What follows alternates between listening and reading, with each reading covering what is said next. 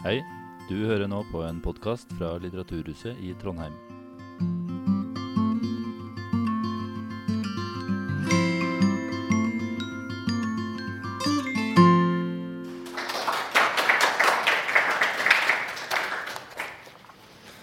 Ja, jeg er Ole Torstensen, og mest av alt så er jeg tømrer. Så jeg bygger, bygger ting. Største håndverksfag i Norge. Uh, og bare spørre først, jeg litt kom på når jeg kom jeg er litt nysgjerrig. Er det en eneste person her inne som jobber i det som kan kalles et lavstatusyrke? Lav utdanningsyrke? Jeg vet Kjæresten min gjør det, som sitter bak der. Så det er avklart. Du gjør det? Mistenkte det. Det ikke ville være noe annerledes her. Og det gjør ikke noe. Det ikke, skal ikke skamme dere, dere andre. altså. Det men et eksempel på hvordan dette her er, litt mitt utgangspunkt er de, Jeg vet ikke om det er noen av dere som fikk med dere kåringen av beste sakprosaen etter andre verdenskrig, som de kåra Morgenbladet og NRK for en, noen tid tilbake. Jeg sjekka litt, for jeg stussa på i den delen som hadde med håndverk å gjøre. Og det burde jo være en ikke helt ubetydelig type bøker innen sakprosaen. Burde jo være på en måte de som har med det konkrete og praktiske å gjøre. da.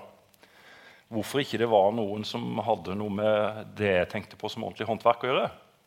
Så begynte jeg å undersøke litt. og så er jeg ikke egentlig sånn veldig redd for å sjekke og snakke med folk, så jeg ringte.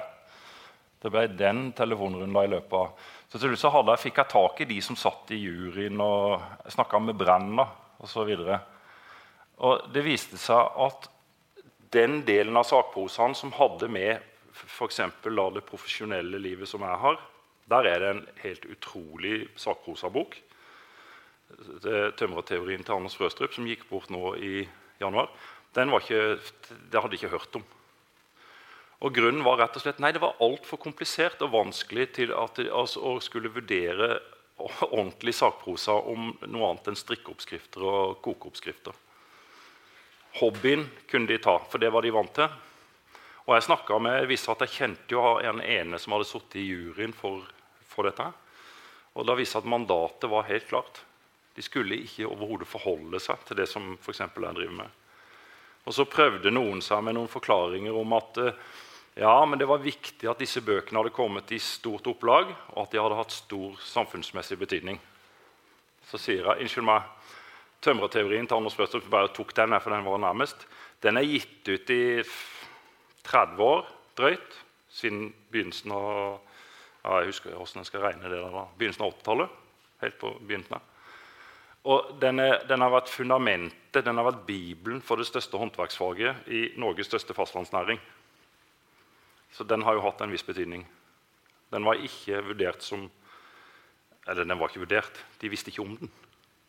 Og det syns jeg sier ganske mye om hvordan dette her, hvordan dette her henger sammen. Det er, ikke, det er ikke sånn at det manuelle arbeidet som håndverket er en del av, har noen sånn plass i offentligheten eller blir betrakta som noe som er verdt å diskutere eller snakke om osv. Og, og det får noen, noen følger. fordi hvis, hvis, eh, hvis eh, vi skal snakke om håndverkerne eller vaskehjelpene eller portørene på sykehus eller hjelpepleierne Dere skjønner vel hvorfor jeg nevner nå akkurat de. De er jo veldig aktuelle. Hver gang det er en epipandemi, det er da det liksom blir en sak vi kan snakke om, og da skal vi klappe litt, så er det jo ikke rart at det går som det går. Fordi når jeg snakker med, med folk som jobber manuelt, og når jeg snakker med, og jeg har jo da gjennom å ha skrevet en bok og så, videre, så har jeg plutselig fått tilgang på krem de la crème, også av de beste folka som, som, jobber som kokker eller som jobber som tømrere osv. Noen av de får jeg lov til å snakke med, og alle sier det samme. I går snakka jeg med en dame som, hun som driver Bula, så vidt jeg var spiste der. Helt utrolig kult sted. Jeg vet ikke om dere kjenner til henne, men hun er i hvert fall veldig flott dame. Og Så sa jeg, sa jeg at jeg skulle prate her, så visste jeg at hun skal jo prate her etter, etter meg. Så sikkert kul å høre på henne. Eh, jeg vet ikke om det er her, eller, men klokka ett. Så sa jeg fordi de tror jo vi er idioter, sier jeg. For det har jeg skjønt at jeg kan si til sånne folk. Så, ja, de gjør jo ofte det.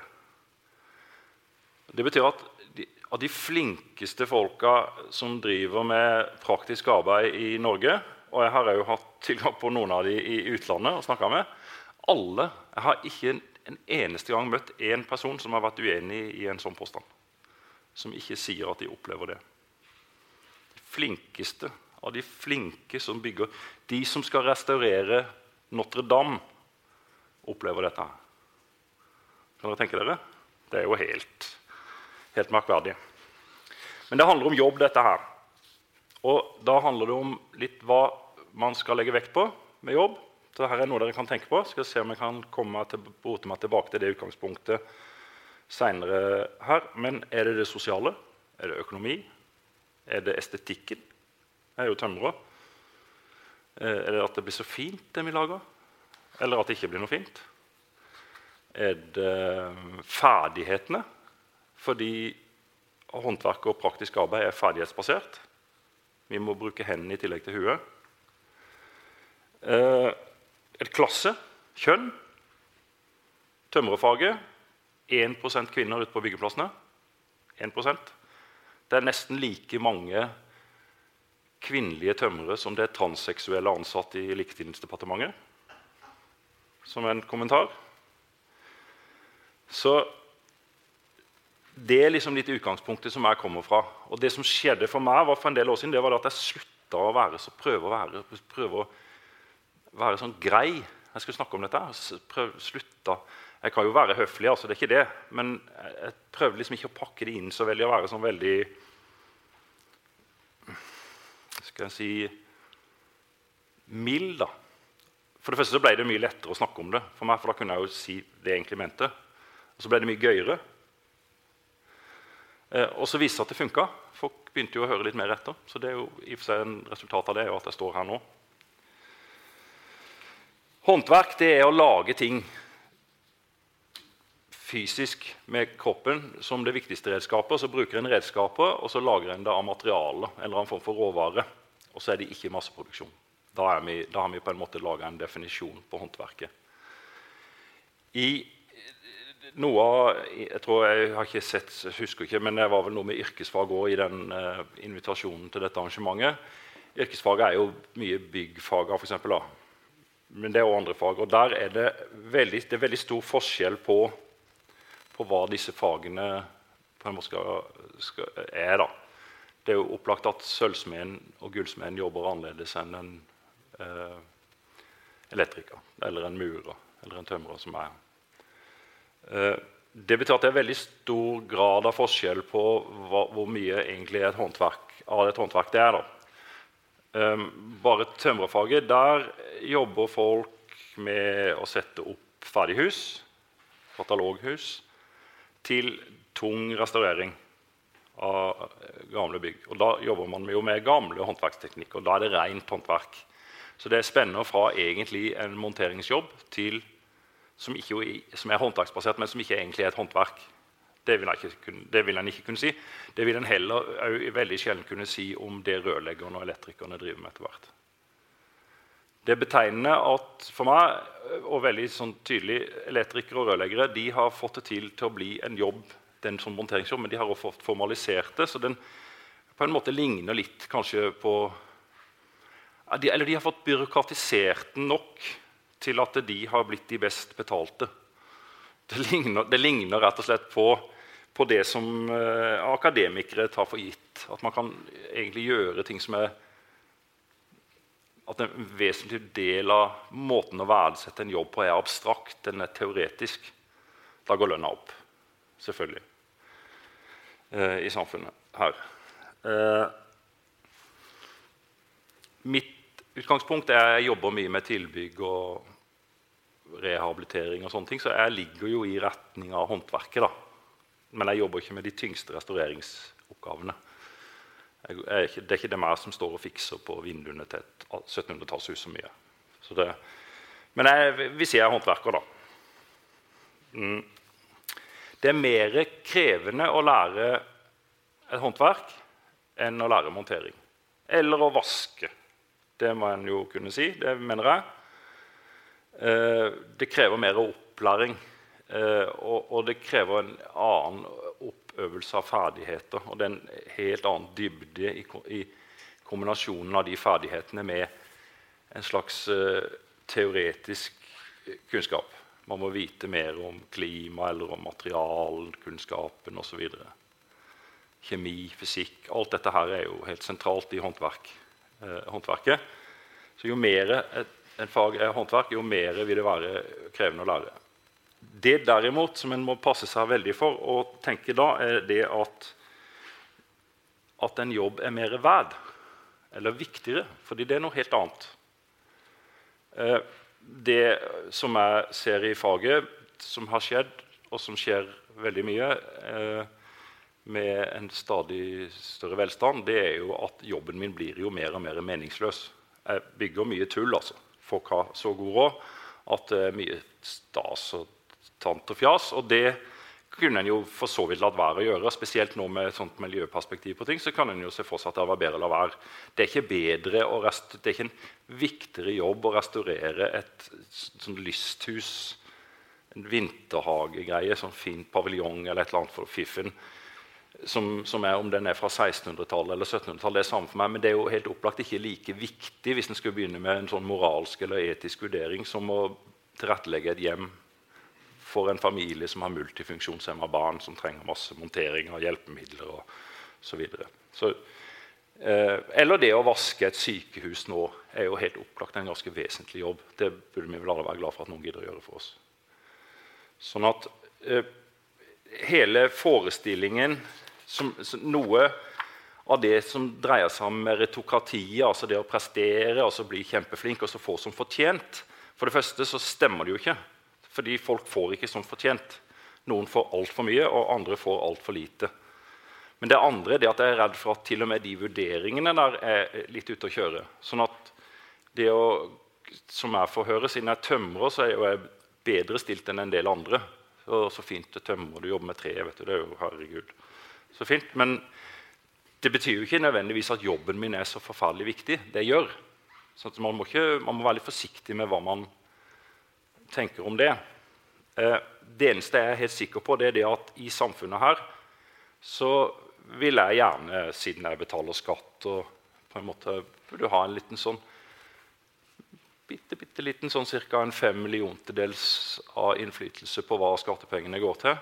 Den vil jeg gjerne bruke på at folk heller gjør nyttig arbeid som er viktig for oss, enn at folk selger helt unødvendige produkter eller lærer seg det på best mulig måte. eller sånn. Altså, med andre ord, Det går an å prioritere. Vi har full mulighet til å tenke eh, hva for mener jeg det, og at eh, Utdanningssystemet kunne jo for være vinkla sånn at eh, det var bedre om folk tok og ble hjelpepleiere og vaskehjelper enn uh, ja, Tenk sjøl, da. Dere jo, Finn dere en eller annen jobb dere syns virker helt idiotisk, og så spør dere sjøl om dere syns det er like viktig at folk skal at det, den delen av utdanningssystemet skal subsidieres av det offentlige som eh, noe viktig. Da.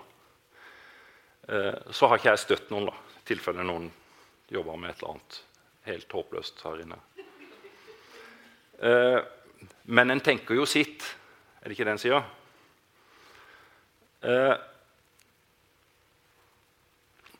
Og da er vi inne på en annen ting, fordi Det er veldig interessant. Det er noen her som har noen som helst formening om hvor stor andel av yrkesbefolkninga vår som, eh, som, har det som heter lav eller ingen utdannelse. Hva tror dere? Noen som har noe tør å gjette? Nei, Det som kalles lav, det er altså egentlig under bachelor. kan du si. Det er vel det de ofte tror jeg, i hvert fall den jeg følger, og det er vel det jeg har sett sånn SSB og sånn. Jeg er ikke engang helt sikker, 100% sikker på tallene, men jeg, sånn noenlunde har jeg oversikt. tror jeg. Altså under De som ikke har noe grad på høyskole eller Jeg tror 55 tenker jeg du er i nærheten. Det betyr altså over halvparten av yrkesbefolkninga vår er noen mer eller mindre uutdanna slamper. da. Sånn som jeg. Jeg er jo lavt utdanna, for jeg er tømrermester. Så lav utdanning. Det ligger jo noe i det der ordet. da. Det, det har jo Jeg tror ikke den her eh, veldig fornøyde burde i hvert fall være det middelklassen i Norge. Den, hvis du sjekker med de, så kan det være veldig hyggelige ting folk sier. Så fint du kan, så viktig jobb du gjør. Jobber som tømrer eller du jobber som et eller annet.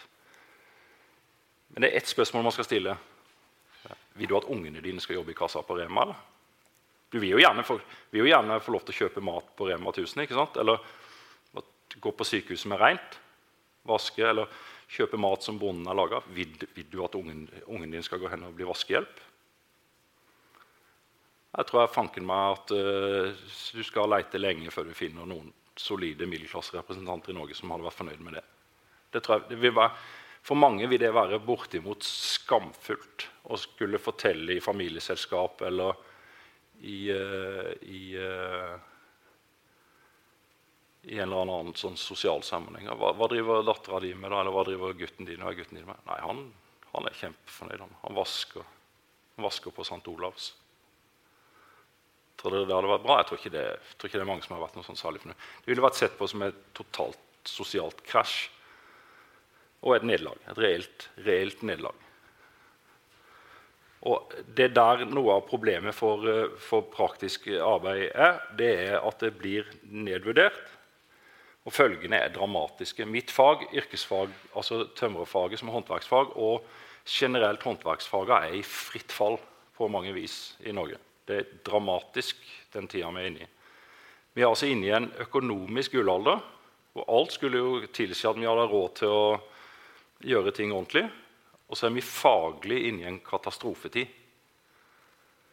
Det, å, det, går nesten ikke an å, å, å forstå det, syns jeg at det er sånn.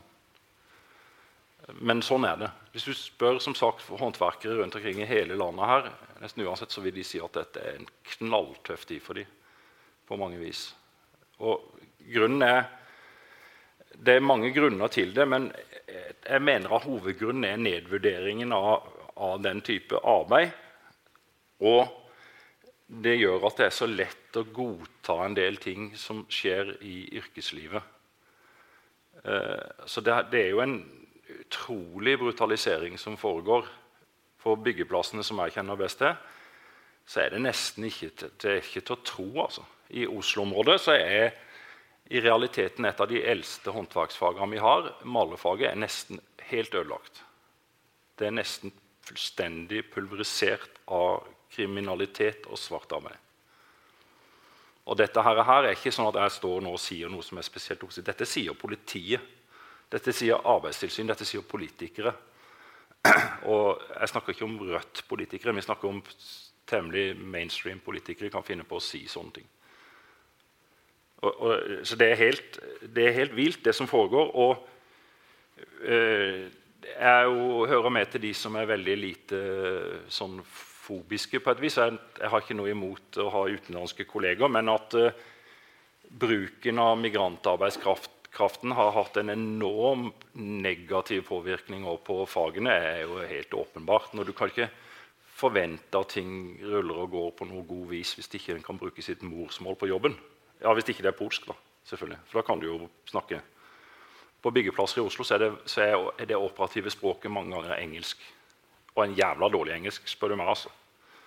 Og det er bare 40% eller noe sånt som kan det nå. ordentlig. Så, så, mye av dette er jo språkløst på et vis.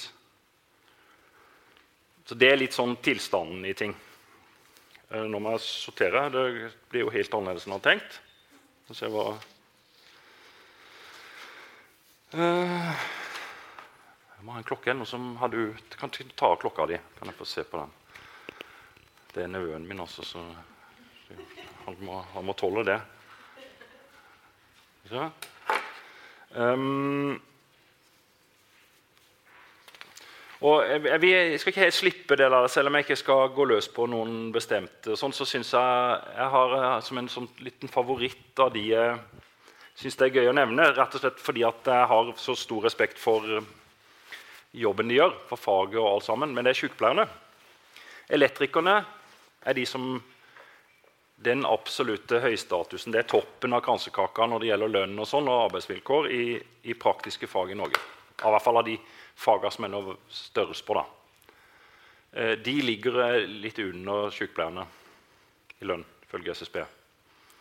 Altså, legg merke til, Sykepleierne som mange mener er underbetalt, de kan betale ned hvis de bruker alle de pengene de tjener ekstra sammenligna med en gjennomsnittlig tømrerlønning ifølge SSB. Og dette her, her Akademikere er dårlige til å regne når det gjelder lønn, det vet jeg, annet enn hvis de skal regne opp imot hva ingeniørene tjener. Men dette er virkeligheten. Dette er sant, dette er et reelt regnestykke. Hvis en sykepleier i Norge på gjennomsnittlig sykepleierlønn bruker alt det de tjener ekstra sammenlignet med en gjennomsnittlig tømrerlønn, så bruker de 3,5 år på å betale ned hele studielånet. Norges største yrkesfag. Og det er jo helt åpenbart at eh, eh, renholdere, servitører, portører, alle mulige, har jo dårligere betalt enn en tømrer. Elektrikeren ligger som sagt litt oppi der, nesten oppi med sykepleieren. da. Så det, det, vil si at eh, Og jeg gjentar full av beundring for sykepleierjobben. Veldig viktig. Flott fag. Virkelig ikke noe negativt å si om det. Men nettopp ved å ta, jeg tenker at nettopp ved å ta et fag jeg så helt åpenbart liker sjøl godt, og som er så lett å like, og bruke det som et eksempel for å vise lønnsforskjellene, så, så får en kanskje frem bedre. da.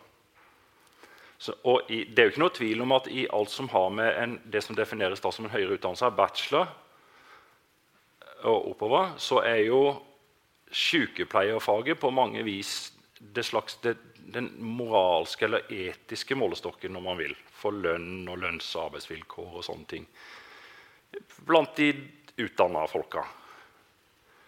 Ingeniørene derimot er det økonomiske målestokken fordi de har jo bedre betalt. Så akademikere er, er, I akademiske miljøer og i middelklassen så er man jo opportunister, sånn som alle andre. sånn at man sammenligner seg der man, der man finner det mest hensiktsmessig.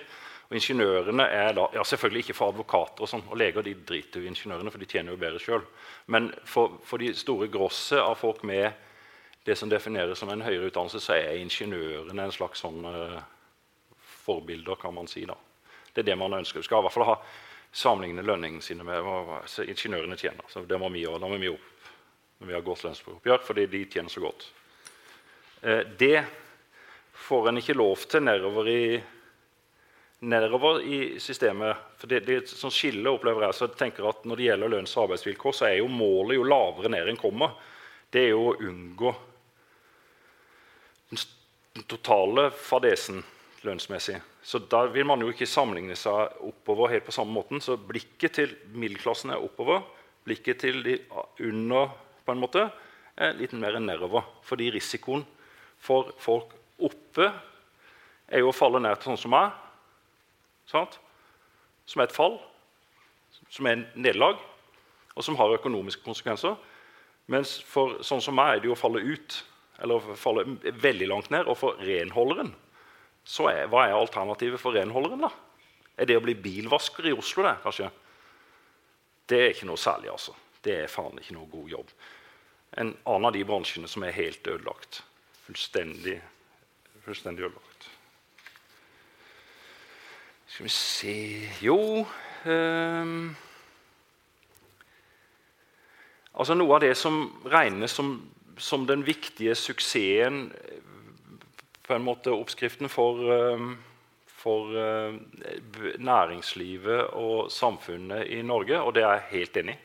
For det, er jo en kjempesuksess. Dette samfunnet her er jo fanken meg noe av det beste man har stabla på beina i verdenshistorien, etter min mening. Eh, men den store suksessen er at folk er trygge i arbeidslivet og har pga. det et relativt høyt kunnskapsnivå om det de skal gjøre av jobb. Og det henger vi sammen. For er man trygg, så kan man jo lettere stille spørsmål i jobben eller lettere utvikle seg, lettere holde på, og omvendt. Er man flinkere i jobben, så kan man lettere stille krav og bli tryggere i jobben. Eh, og derfor er det da det, Dette er, det er litt, Jeg har jo vært opptatt av dette i mange år. Jeg har ikke fått sett det, men det er hvis Harald Eia driver vel og snakker om akkurat det samme på TV nå for tida. Det har ikke jeg sett. Men dette er sånn gjennomgående, nesten tverrpolitisk, så er dette noe man er enige om. Jeg tror ikke en, en Høyre-politiker eller en Arbeiderparti eller Rødt eller SV-velger vi si akkurat det samme. Vi var enige om dette. Dette vil de ikke kaste bort mye tid på å krangle om. De vil kunne diskutere litt hvordan dette skal gjøres, men ikke noe særlig mye mer enn det. Det som skjer nå, er jo et angrep på dette her. Sånn at hvis, hvis vi nå ser for oss at 30-40% av arbeidsstokken skal, skal utsettes for noe som er ikke medfører trygghet, og ikke medfører kompetanseutvikling og sånne ting, så er dette Jeg mener jo det, det er det. Dette er den største samfunnsforandringen vi står inne i etter andre verdenskrig, sammen med to andre. Det ene er eh, utviklingen av velferdsstaten.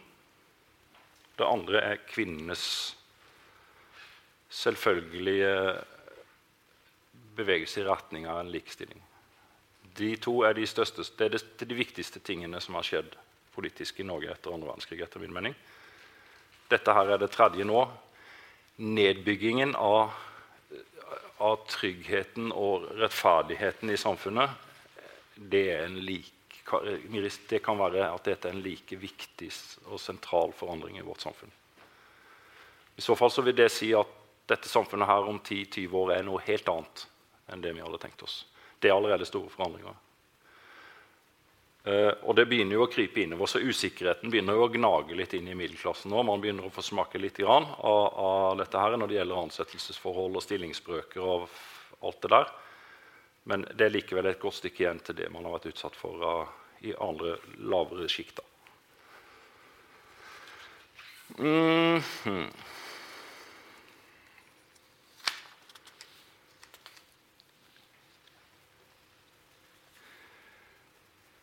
I, altså yrkes, det praktiske arbeidet læres jo i praksis. Man må lære det ved å jobbe. Og det er jo en utfordring for utdanningssystemet og for ja, opplæringssystemet.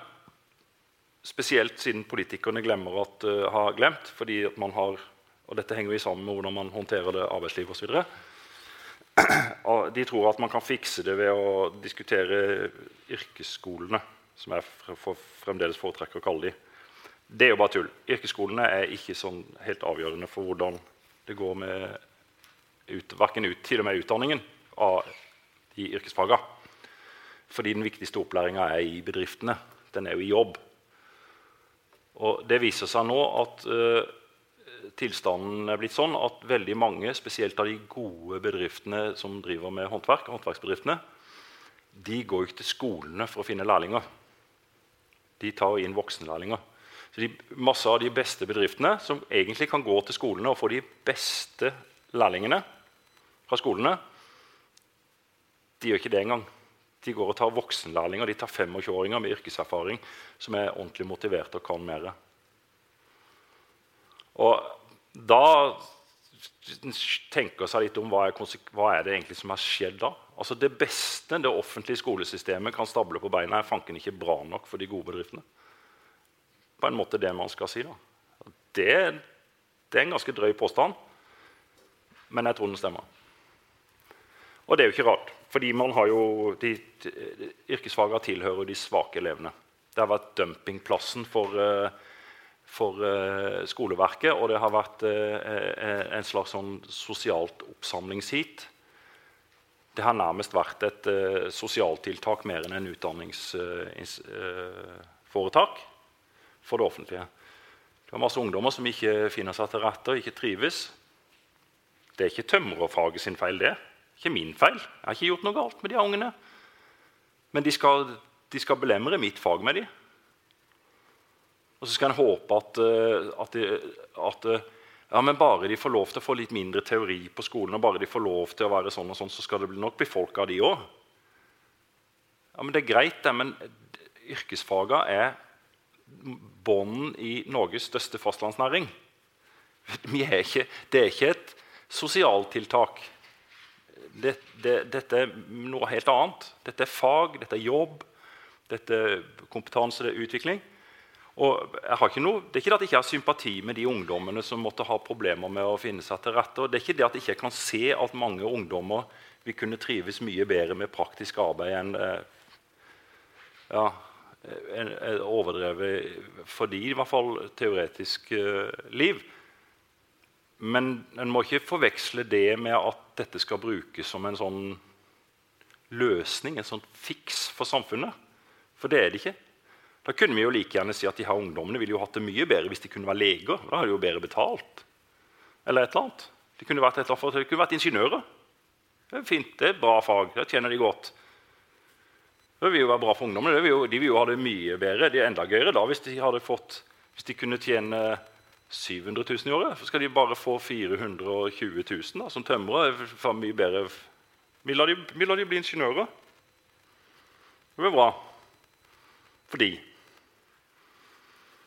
Og så er det sånn at i og med at oppi det her så er det altså jeg gjentar over halvparten av yrkesbefolkninga jobber i lavstatusyrker i en eller annen form. Veldig mange av dem i, med fiskearbeid. Det er der det er størst underskudd på arbeidskraft i Norge. Det, det, er, ikke, det, er, ikke, det er ikke flest ingeniører vi mangler, eller leger eller noe sånt. Det er flest, flest folk tømrere, flest håndverkere, og bønder og hjelpepleiere. Det, alt, det der, alt det som skal gjøres, det mangler man masse. Det er svære tall. ikke sant? Så nå, nå viste seg med korona, så stengte de ned. Så, skulle jo, skulle jo da, så hadde de sånne fjonge reportasjer om eh, ja, akademikere som plutselig skulle plukke bær eller et eller annet. da. Så veldig hyggelig. Fint. Og da slo det meg at Egentlig så burde vi jo ha en sånn omskoleringsmodell her i landet. For legg merke til at når en sier en master, med mastergrad Det er i grunnen samme hvilken mastergrad det er nå. Har ingenting å bety. Skal jobbe som vaskehjelp eller på byggeplass, så blir de kalt overkvalifisert. De er jo ikke kvalifisert i det hele tatt, hvis en tenker seg litt om. Hvordan kan de være det? De har jo vært på universitetet. Så de kan jo ikke dette, men de er altså overkvalifisert. Men de må omskoleres, sånn at vi får, bøndene får sine 30 000 eller noe, hvor mange hen, eh, Det ble jo 60 000, da. Men 30 000 folk, eksempel, noe sånt, så må vi omskolere dem. Så det Vi rett og slett, vi kan jo ikke forvente at folk som selv om ikke de har det, men de går rundt i en verden hvor de egentlig skulle hatt en ingeniørlønning La oss være, liksom, gjøre det enkelt kan ikke forvente at de skal finne seg å jobbe for 130-35 kroner timen, som er det ufaglærte jordbruket får. Prøv å regne litt på det. Og det gir årsinntekt. Det er ikke spesielt bra. Det går ikke. De kommer jo til å gå konk. Så de kan få et år omskolering, er min tanke. Vi betaler mellomlegget i ett år. Men etter det så må de, eh, må de greie seg på 130 kroner timen. Som folk gjør som jobber som ufaglærte i jordbruket i dag. Eller de kan få mellomlegget til å være renholder på St. Olavs hospital. kan de få et år. Er greie, og Hvis det er nødvendig, hvis det ikke er det holder, så tar vi to år. da. Samme det. det er bedre for samfunnet at de istedenfor å surre rundt med et eller annet som fører til overbyråkratisering, eller et eller annet sånt noe, heller gjør noe nyttig arbeid. Det er jo mye bedre for meg. Jeg vil jo heller det. Så er jeg med på det. Et spleiselag. En dugnad, kan vi kalle det. Det blir bra. Da får vi jo masse kvalifiserte vaskehjelpere òg. Fordi på det der året eller to året så de jo, kan vi jo lære de jobben. Det, det de skal gjøre. Uh, jeg kjenner at det, det var, ikke, var overhodet ikke min mening å være så syrlig da. Eller sånn sinna, men jeg greier rett og slett bare ikke la være når jeg begynner med dette. Det, ja, Men igjen da, så er jeg jo da tilbake det der jeg vil spørre Hvis ikke, hvis ikke middelklassen, da, som er min på en måte blitt Jeg synes det er litt må, det er litt min sånn hovedfiende. Fordi overklassen er et lett bytte. De er som de alltid har vært. De, den, den, delen av samfunnet som har forandra seg mest, er middelklassen. Middelklassen er, gjort, er vant til å ha tjenerskap, vant til å ha billige tjenester. De er vant til å ha jevn progresjon av stigende kjøpekraft og alt mulig det er ikke den lavere 20-30% av befolkninga her i landet. har gått ned 30% i kjøpekraft sammenlignet med middelklassen de siste 15 åra, ifølge Frisch-rapporten som kom for en del år siden. Dette er helt sånn udiskutable forskjeller som øker i stort, stort tempo. Og, så da spør jeg da, Middelklassen vil ikke, min påstand, overhodet at ungene skal bli vaskehjelpere eller hva som er sånt. Hva er det vi skal legge vekt på med hjelp er det det sosiale? Er det estetikken? Er det ferdighetene? Er det kunnskapen? Hva er det? Og Det kan vi velge på et personlig plan, selvfølgelig, men vi kan også velge det som samfunn. Vi kan, vi kan se for oss at dette beveger seg ut i politikken. Så kan vi velge hva legger vi vekt på, osv. Om og om igjen. Mitt forslag er at vi omskolerer folk, sånn at de kan gjøre nyttig arbeid. Der er en annen side ved dette. her. Altså, til, En av hovedgrunnene, drivkreftene i utdanningsrevolusjonen, skal en være klar over, det er jo ikke bare behov og, og, sånne ting. Det mener jeg jo er helt åpenbart, siden det, det er et større underskudd på, på, folk med lavere eller ingen utdannelse enn det, altså det er et større underskudd på arbeidskraft som har lavere eller ingen utdannelse enn folk som har høy utdannelse i Norge. Så det kan jo ikke være behov. Det er ikke tilbud og etterspørsel. Det er ikke det det dreier seg om. Det er noe annet. Det er noe mer irrasjonelt, et eller annet merkelig som foregår. Eh, hva var det? Nå mista jeg min egen tråd her. Eh, Jo, det er flere grunner til at eh, høyere utdanning er så lett å satse på. Det ene er jo det at dette er det politikere og sånne, de kjenner seg sjøl. Så det er det de kjenner til. og Det er lett for dem å forholde seg til dette. Det har de i hvert fall en slags forståelse av. De har jo ikke noen forståelse av det praktiske arbeidet. Eh, for eksempel, som jeg driver med, Det kan de ingenting om. Det er, helt, det er de helt borte i natta, de fleste av de. Det andre er det at uh, akademisk utdannelse er så lett å få til. Det, man, man, det, er en sånn merkelig forestilling om at dette er en komplisert form for utdannelse. komplisert å gjennomføre. Det er jo ikke det. Jo, se her, Dere sitter jo her. Jeg har forelesing. Det har ikke vært noe problem, annet enn nå er det korona, da, men Under normale tider så kunne jeg ha 200 mennesker som kunne stått og hørt på meg. Kunne forelest på masternivå. Ikke sikkert jeg kunne gjort det, men noen andre kunne gjort det. Vi snakka om filosofi eller matematikk. eller Utrolig effektivt. 200. En lærling, tømrerlærling han har to eller tre svenner eller mestere rundt seg til enhver tid. Det er en sånn snitt. da. Du må ha, du må ha garva yrkesfolk. Så må du ha to, kanskje to-tre, kanskje flere per lærling, som er minimum. Ofte mer. Det er høyintensivt. En lærling i yrkesfag som jobber i en god bedrift, går gjennom et utdanningsløp som er, mye, som er høyoktan sammenligna med de der eh, dumpe, sløve auditorieforelesningene.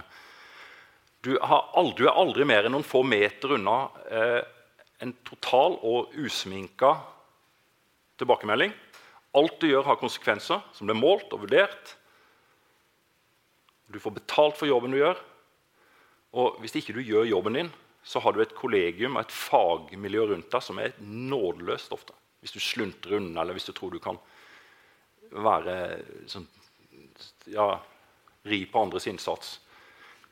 Med andre ord effektiviteten i det utdanningsløpet som folk har i yrkesfagene, hvis det er bra, da, for jeg skjønner jo at det er idealer og forskjell på idealer og virkelighet Men, men det er slett ikke uvanlig. Det er altså så utrolig effektiv opplæring. Og det er så intenst. Og det blir de ungdommene, når de her, her gutta og jentene er 2-23 år gamle, og har gått gjennom et godt yrkesfagsløp, de er et, min påstand at de er, de er, nødvendigvis på et mye høyere nivå enn en tilsvarende akademisk eh, student vil kunne være. Rett og slett fordi at utdanningssystemet er så mye mer spissa. Det er logisk. Altså, I det lange løp så vil jo folk kunne bli like gode. Jeg tror ikke det er noe vits i å lage dette til noen konkurranse om hvem er best. Eh, på noe vis. Men nedvurderingen av, av, det praktiske er så fundamental at jeg har litt moro av å beskrive det på denne måten.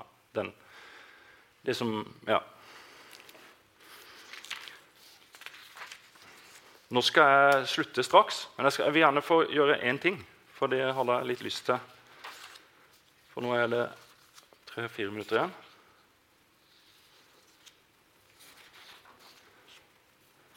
Bare, jo, Hvis noen lurer på hva vi skal leve av i fremtida i kunnskapssamfunnet, så er det jo helt opplagt at uh, noe av det må være resultatet av praktisk arbeid. Da. Så, ja. Jeg som hadde så god orden her.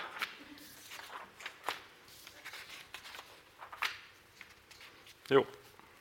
Jeg kan si det at eh, Et av kjennetegnene på, som jeg tror egentlig er et slags mer, på et mer filosofisk plan, er et problem som man har i yrkesfagene, eh, eller håndverksfagene, det er det at det, det er en iboende beskjedenhet. Til tross for hvordan jeg står her, så er det det i, i yrkesfagene. Fordi som håndverker så kan man ikke komme og si at man er best, eller at dette er det beste. For det første så finnes det jo ingen mal, for det er ikke masseprodusert. Så du har, ikke, du har, ikke, du er, du har aldri noe én-til-én å sammenligne med. Det er det ene. Eh, det, og det andre er det at det er så mange variabler som går på hvilke materialer hadde du tilgang på, åssen var været når du jobba. Var det, var, var, du kan bare fortsette. Så alle forbeholdene vil være så mange at enhver håndverker som er god, da, kan legge merke til at de blir mindre og mindre bastante. Flinkere folk er. Dette er Dunning-Kruger, Mount Stupid. Jo, flinkere, jo dårligere man er, jo det går opp jo mer idiotisk blir man. Helt til man begynner å skjønne noe, så begynner den å gå ned. Så blir, skjønner man mer og mer, men da blir man mindre og mindre stupid. da, i hva man sier. Dunning-Kruger-effekten er veldig bra.